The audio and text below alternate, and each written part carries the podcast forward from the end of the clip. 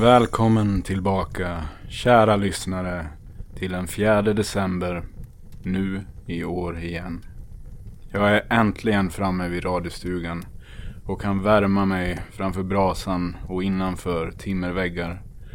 Efter en lång färd i min eh, visserligen hemtrevliga men så här på vintern ganska kalla mobila radiostudio. Freiner Funt, min flygande reporter, är på resande fot igen. Jag håller mina tummar för att Freidner kan få tillåtelsen av det statliga institutet Simulantia att intervjua Stina Trygg för min utredning. Stina har inte uttalat sig sedan hennes julvärdskap förra året. Varför? Hon påstod att hon är Margareta Tryggs syster men hur är det möjligt?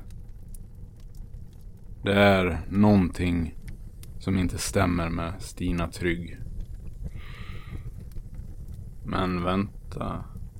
Här har Freiner lämnat en hälsning. På en lapp. Fäst på en Bowie-kniv. Mm. Jag läser. Kära mästerverket. Hoppas du har en gemytlig andra advent i radiostugan. Jag har lämnat några kassetter med mina adventsinslag ifall du vill spela dem för lyssnarna när det passar sig. Hälsningar, Freidner. Mm. Ja, då spelar jag väl helt enkelt upp Freiners segment för andra advent nu då.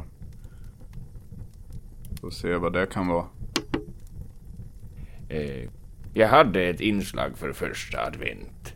Men det blev för mycket om gamla tjeckoslovakiska partisekreterare så jag släppte det inslaget bakom mig.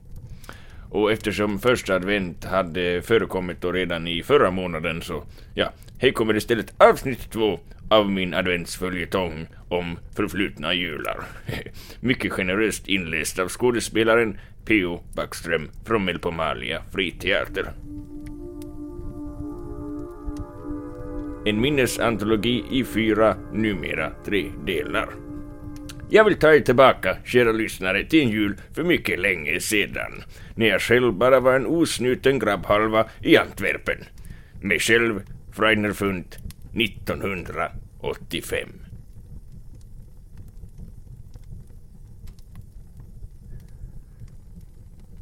Där låg jag på sängen i mitt pojkrum lyssnande på Prokofjev och Riddarens dans. Musiken slet i mina känslor. Där var jag, halvnaken, julbent och nyrunkad. Tomhetens melankoli spelade på mina hjärtsträngar.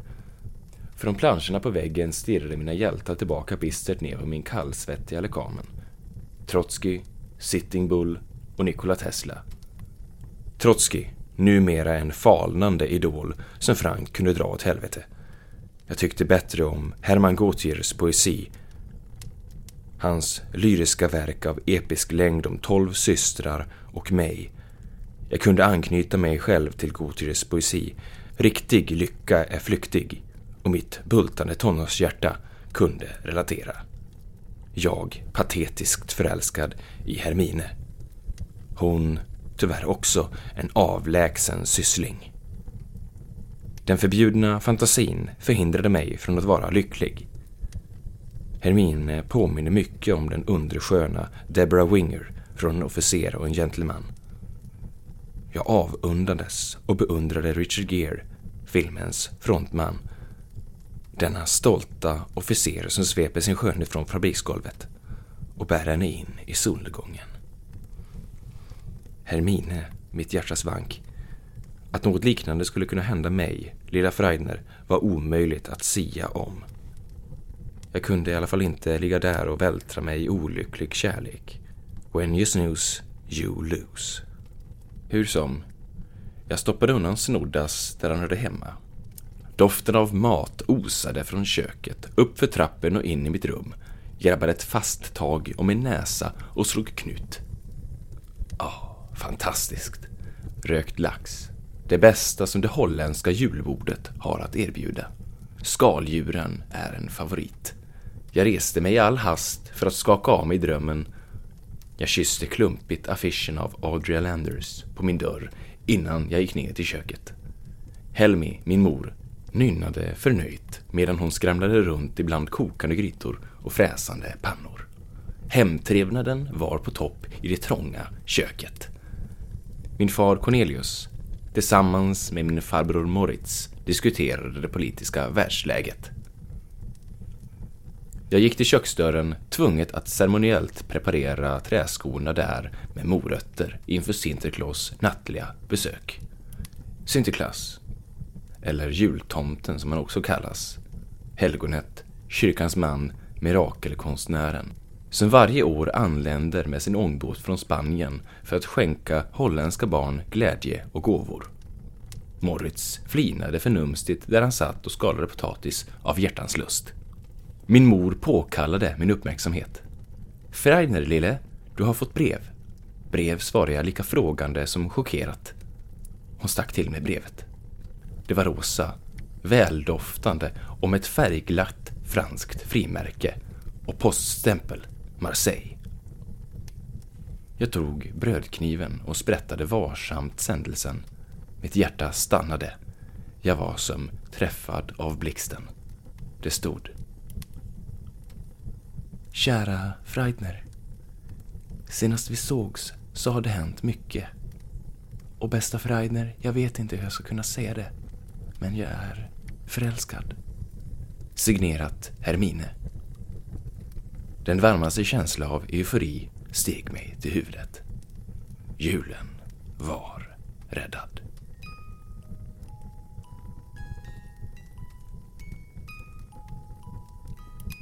Tack för den tidsresan, Freiner. Alla har vi väl åtminstone en jul som vi minns lite extra som den där fina julen vi skulle vilja uppleva igen. Studier har visat att det ofta är julen då du var åtta år. Märkligt nog. Men nu ska vi äntligen få lyssna på det efterlängtade fjärde avsnittet av Melpomalias julkalender. Snön faller stillsamt över epicentret.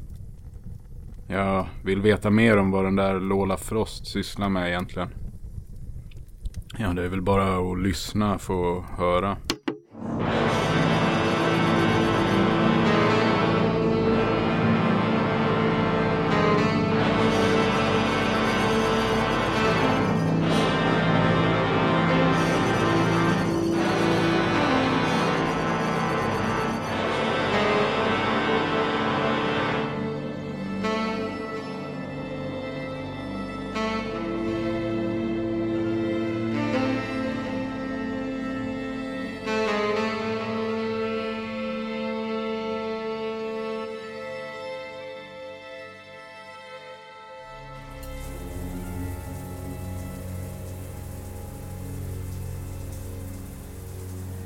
Det...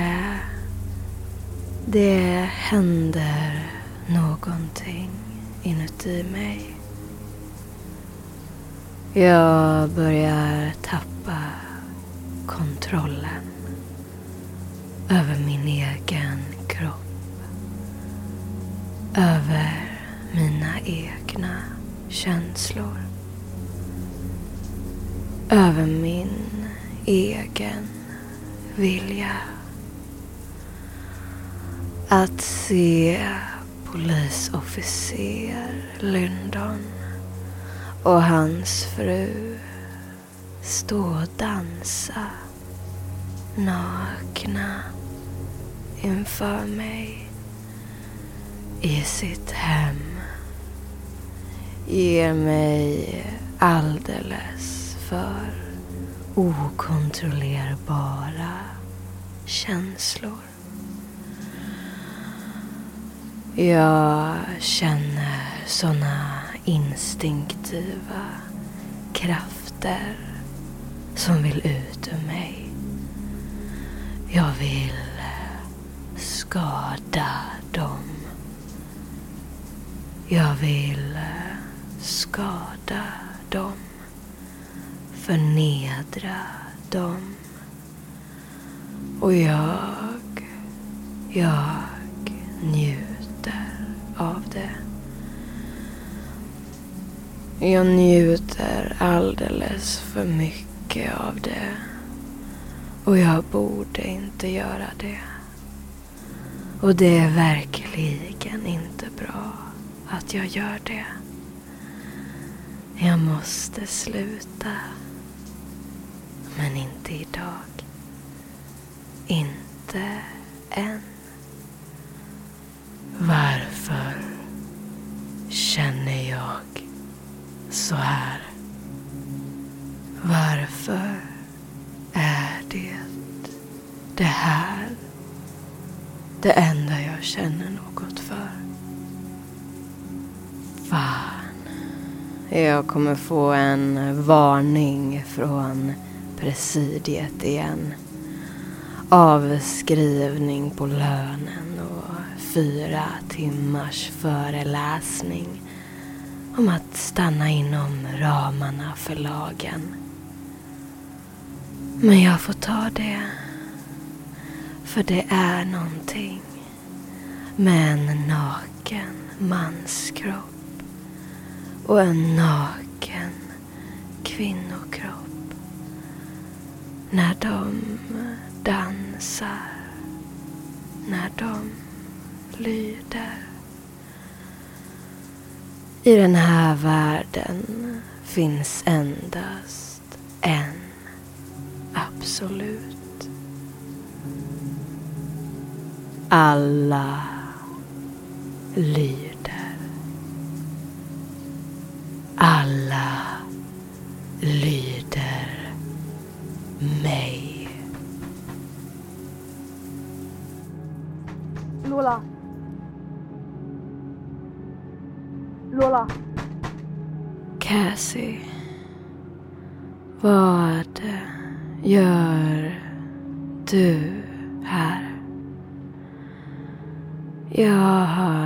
Inte bokat en tid.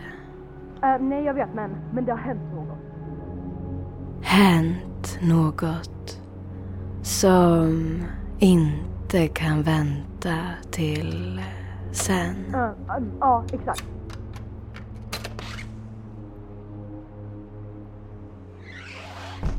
Um, oj, ehm, jag, jag, jag, jag kanske ska komma senare ändå eh, så att du hinner klä dig.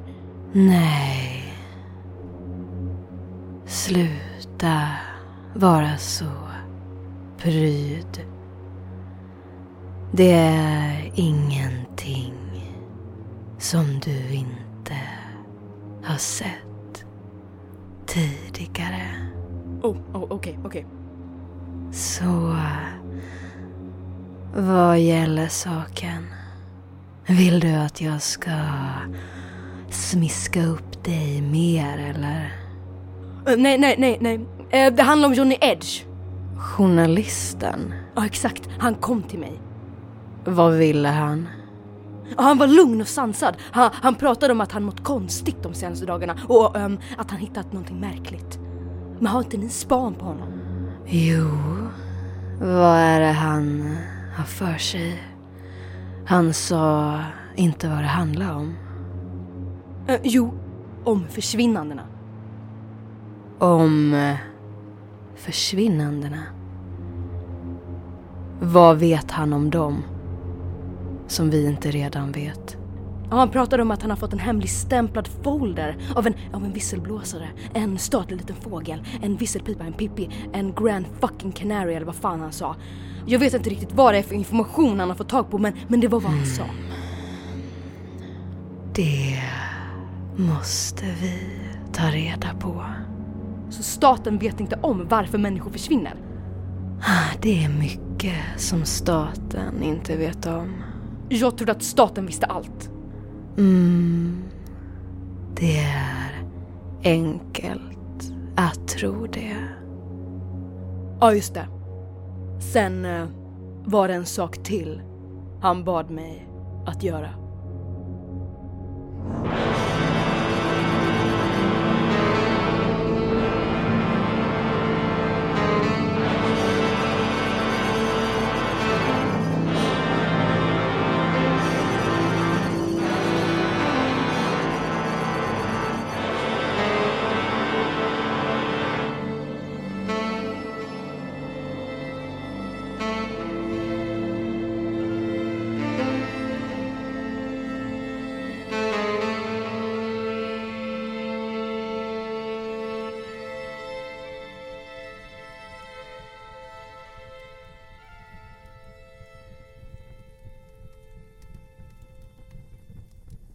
Det var värst. Ja, hur ska det här sluta om det börjar så här? Mm. Ja, ha nu en god natt och dröm knepiga drömmar. Så hörs vi imorgon igen för nästa kapitel i Melpomalias julkalender. Fortsättning följer.